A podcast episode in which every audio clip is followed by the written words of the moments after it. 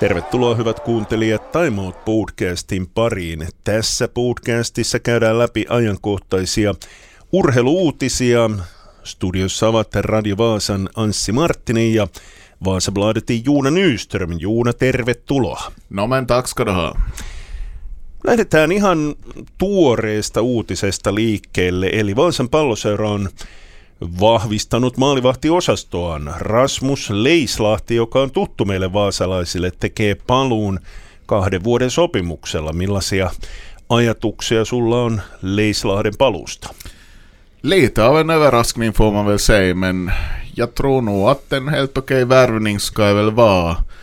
Spela som sagt 2020 här i Vasa, division 1 då tillsammans med Tuomas Pöyhönen om jag minns rätt så delade de ganska jämnt i de matcherna den här säsongen. Sen har han varit i Ilves och nu senast i KTP som ju degraderades här den här säsongen och, och kanske inte var någon riktig så här huip på 100% i säsong av Leislahti heller men han är inte någon äldre än 23 och, och, har säkert potential att utvecklas ganska mycket än. Så på det viset så är det ju en värvning som ganska mycket tangerar det här tidigare Hyvärinen och Haukioja också som är såna killar som fortfarande är i utvecklingsfasen av sina karriärer. Mitäs jos mä sanon, että tämä Leislahden sopimus on sellainen sopimus, että tulee mieleen, että nyt pyritään hakemaan nimenomaan tätä kahden maalivahdin linjaa. Eli nyt aika tasaväkiset maalivahdit ehkä Vepsulla.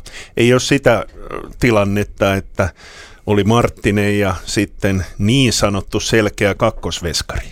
Nu kan det ligga någonting i nog att om man tänker på säsongen så gick så Teppo Martinen avslutade jättestarkt på det viset att han gjorde ju stora räddningar i stora matcher, avgörande räddningar och, och nu är det ju han som går ut som etto till nästa säsong som första målvakt men Leislahti är en jättebra utmanare dit och har lite samma kanske egenskaper, bra, bra reaktioner och, och så vidare. Så att det blir nog jämnare tror jag, eller det kan bli jämnare fördelningen nu då vi hade Jonathan Viscosi som andra målvakt och och som en kaveri sa här så kanske nu vettigare att ha två inhemska målvakter då än att ha en inhemsk första målvakt och en utlandsförstärkning som bara sitter på bänken. Joo, siinä on ihan kyllä järkeä siinä. Hei, siirrytään Captain's Balliin siellä Vepsu.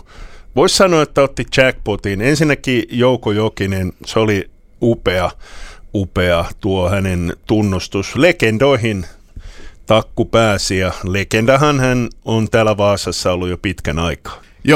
Inte något snack om man saker. Det var roligt att se att, att ligan, att fotbolls-Finland uppmärksamma Takku där och, och helt väntat sen att det blev mycket priser. Om man nu till exempel tänker på hur det såg ut då, då månadens lag utsågs här och andra halvan av säsongen. Så nu visste vi ju att Peter Michael skulle bli det här ligans bästa anfallare och Jussi Nuorela bästa tränare. Kanske lite skräll att Jevgeni Bashkirov kommer mm. med där men inte det oförtjänt heller. Inte. Ei, ei. Mullekin oli kyllä melkoinen yllätys, että Bashkirov valittiin äh, vuoden parhaaksi keskikenttäpelaajaksi, mutta niin kuin sä sanoit, niin mun mielestä se ei ole millään lailla vääryys, koska erinomaisen kauden hän pelasi. Ja niin kuin mä oon sulle monta kertaa sanonut, niin mulle Bashkirov on se tärkein pelaaja, eli hän on se, jota en toivo missään tapauksessa Vepsusta poispäin.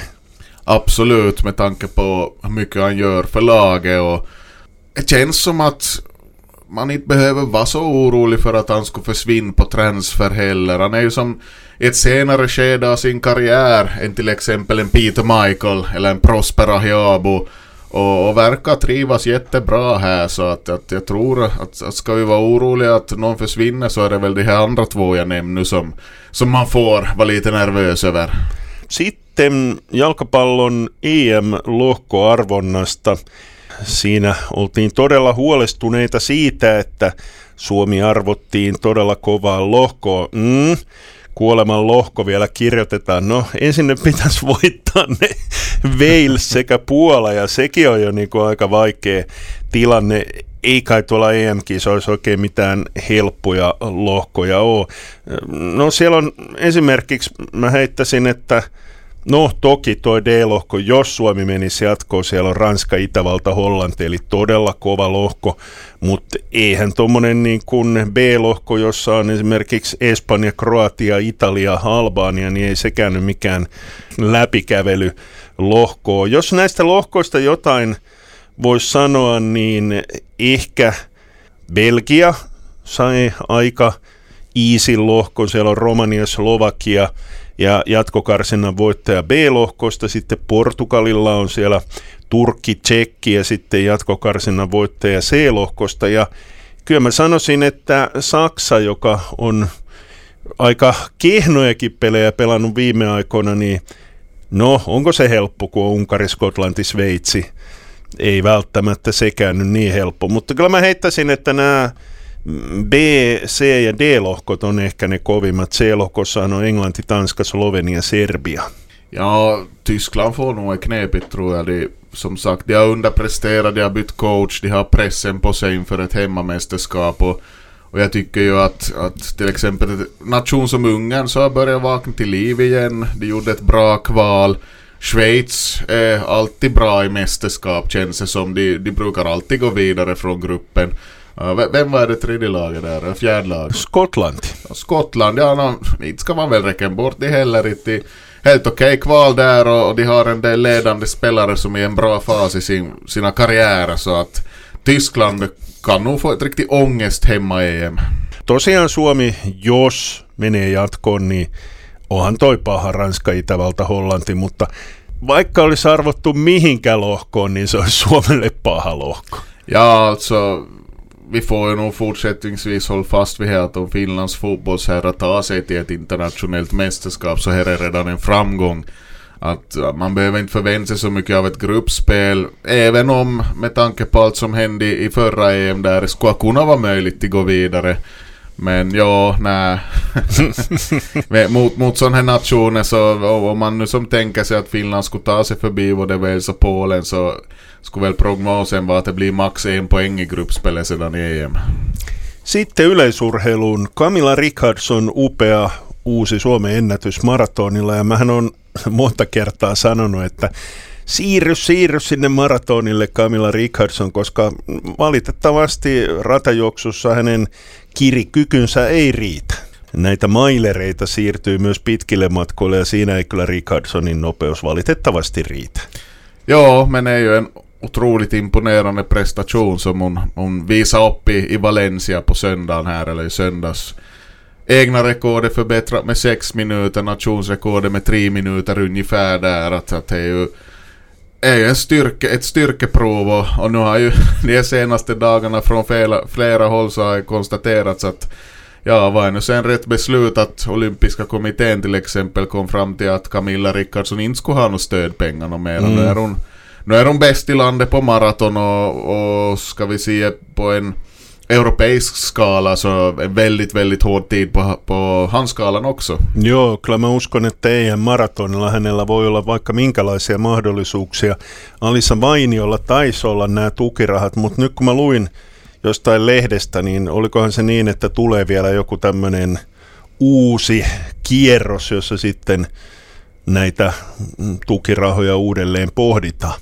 Det som var intressant där var också då man läst Camillas kommentarer så det är EM också nästa år i friidrott så där stod det att, att det förmodligen blir så nu då att hon ska springa halvmaraton i EM och maraton i OS. Jag visste inte ens om att det var halvmaraton i EM men det, det, var, det var intressant. Joo, toi oli mulle täysin uutta tietoa kanssa, että ei hajuakaan, että on olemassa näitä puolimaratonia EMssä. Joo, mutta sehän voi sopia Camilla Richardsonille erinomaisesti. Time Out Podcast käynnissä studiossa ovat Radi Vaasan Anssi Marttinen ja Vaasabladetin Juuna Nyström. Vaasan Sport. Olin Tampereella lauantaina, mutta en ollut katsomassa, kun Tappara pieksi sporttia, mutta meillähän oli iloisia uutisia kuitenkin viime viikolla, eli saatiin viisi pistettä – oliko se enemmän mitä me laskettiin alun perin? Oltiinko me puhuttu vähän neljästä pisteestä? Ja, det var väl ungefär vad vi pratade om. Mm. Men, men vi, vi konstaterar ju att Sport brukar göra bra matcher i Raumo och, och lyckades igen där. Det blev en häftig comeback. och, och två poäng mot Lukko. Och sen jag satt ju hårt åt mot Saipa hemma, men Saipa har lite karpat upp sig på sistone och de gjorde jättejobbigt för Sport i andra matchen. De låg på hela tiden. Jag var hela tiden nära, jag var, var svårt för Sport att skapa något riktigt bra där. Så att jag tycker ändå riktigt bra av Sport att klara jobbet och, och ta de här tre poängen. Men sen såg jag på fredag kväll att Tappara tar stryk med 5-1 av Kalpa i Kuopio. Då visste man ungefär hur det skulle gå på lördagen. Att, att, var jag lite gjort bort sig och kommer hem och spelar veckans sista match. Det kändes som att nu kommer en urladdning av Tappara och det var ju precis det som hände. Mukavia sopimusuutisiakin tuli sportista. Me ollaan aika paljon puhuttu siitä, että ainakin mä oon puhunut, mä oon halunnut hyvää maalivahtia. Sä oot ollut kyllä aika tyytyväinen Hovinen Reijola kaksikkoonkin, mutta mä oon ollut vähän toista mieltä. Mutta Svoboda, hän on osoittanut ainakin alkukaudesta, että nyt on mies paikalla ja tehtiin kaksivuotinen sopimus, eikö jatkosopimus? Joo, jättebra tycker jag också. Om man tänker Svoboda är väl 28. Så han har ju många, många bra år framför sig som målvakt. Han har visat, han har visat att han håller måttet. Statistikmässigt kanske inte riktigt så bra just nu men det beror också på det här mörka november som Sport hade. Att, att det syns ju nog i målvaktens statistik och då ett lag presterar bra eller dåligt. Och, och man märker ju nog vilken otrolig vilja Svoboda har att det ska gå bra för honom, det ska gå bra för Sport. Man såg det här bortamatchen mot Kärpät där inte gick så bra, att det var lite gestikulerande av Svoboda där och frustration. Och nu i Tammerfors så var han väl till och med och ilskna till riktigt ordentligt och tog en utvisning för Raffing där mot slutet av andra perioden i samband med att Tappara gjorde mål. Så man märker att det finns ju vinnarskalle där och det finns, finns glöd och sånt är roligt att se. Toinen sopimusuutinen oli Sebastian Winströmin tulo. Vaasan Sportin riveihin. Hän Sissä aikoinaan teki hyvää tulosta, 46 tehopistettä, mutta sitten kun mä rupesin katteleen SHL, tilastoja, niin sitten ei enää ollutkaan kovin hyvät ne tilastot. 16 pistettä, 18 pistettä, 14 pistettä.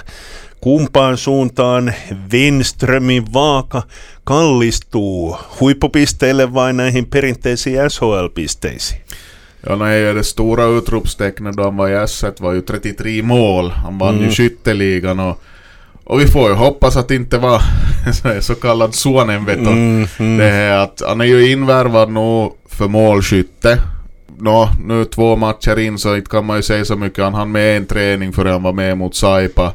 Där öppnade matchen helt pikt men sen han kanske lite försvann i matchbilden. Men man tänker på att han skulle spela powerplay och det finns till exempel en Simon Hjalmarsson, det finns en Johan Sundström i samma kedja som ska kunna skapa de här målchanserna. Så han kommer till få lägen, här är ingen frågan om men nu gäller det för han då till leverera för det är ett svårt läge till komma in som tilltänkt målskytt men om man får det till loss nu ganska snabbt här och börjar få in en par baljor så att säga så, så kan det nog bli bra.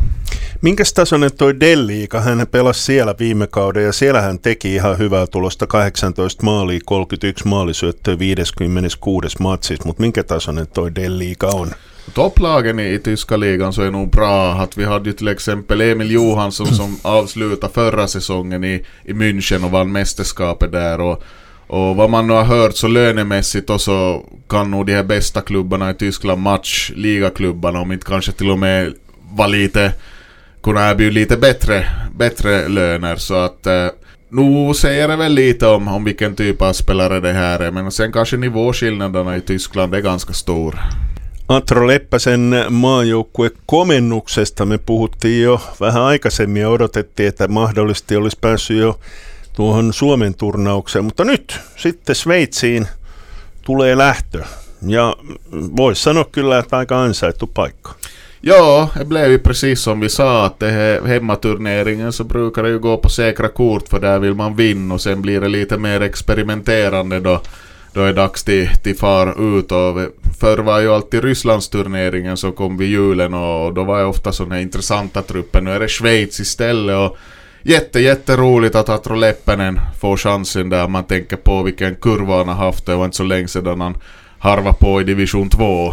No han fick ju lite smäll här mot Saipa, han spelade inte mot Tappara, Eller, väl kanske ha farit och tänder där, han fick en klubbo i ansiktet men inte skulle de ju ta ut honom och presentera honom som debutant i truppen om de har kollat läget med honom, att han kommit till vara i skick för spel.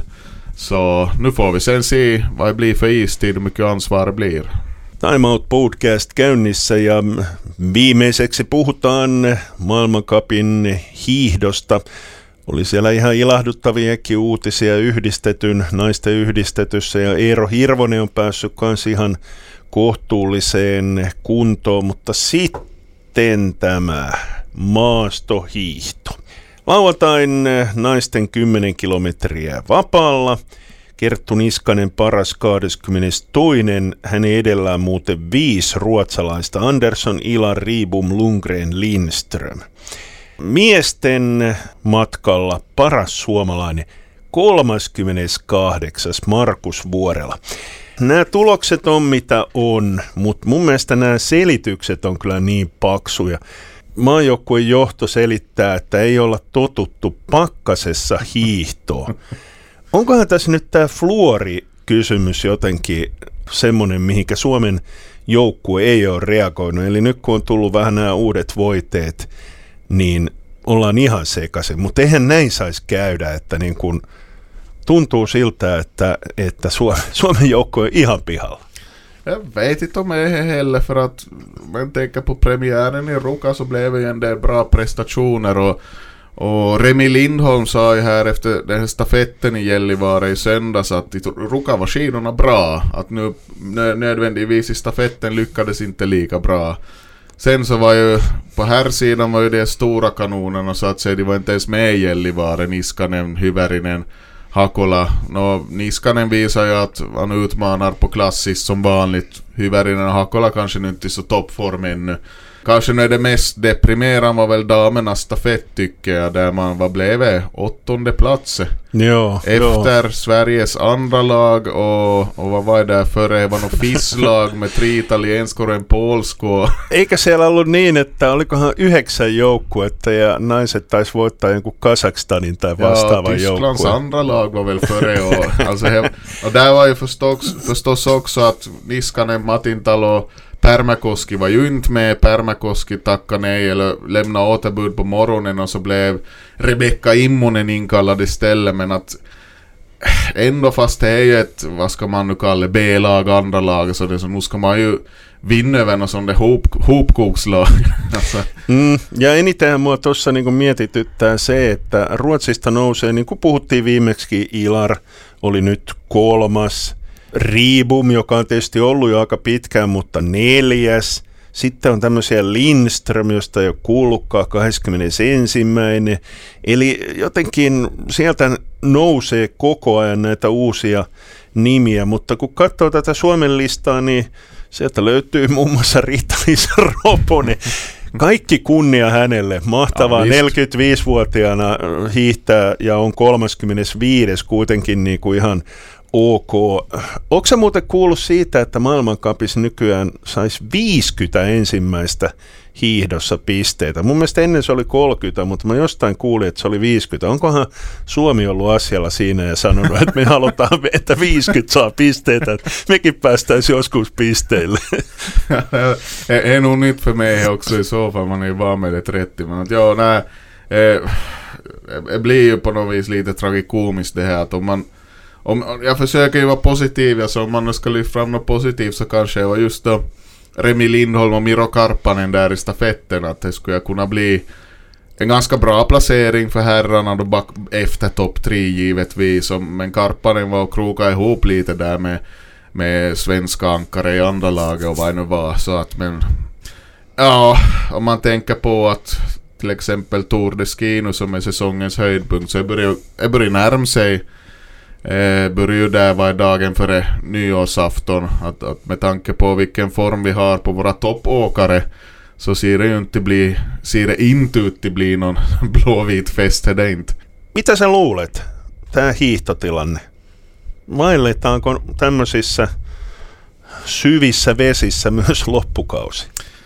Ja, jag tänkte ju säga att med tanke på hur jag sett ut i början av säsongen så är det väl kanske bra att inte är några internationella mästerskap den här säsongen. Att det är Tour de Ski som är de höjdpunkten. Och, och no, förstås, om man nu ska lyfta fram honom så Johnny Mäki tycker jag nog ändå i Ruka han skulle, eller vi sa väl här att han skulle ha varit i final men det blev en liten taktisk miss där i semifinal och Ivo Niskanen som sagt verkar nu vara i helt okej okay form så att vi ska nog väl kasta helt yxun i sjön än inte. Tässä oli tämänkertainen eh, Time Out Podcast. Studiossa ovat olleet Radio Vaasan Anssi Marttinen ja Vaasabladetin Juuna Nyström. Juuna, kiitoksia. Tack, tack.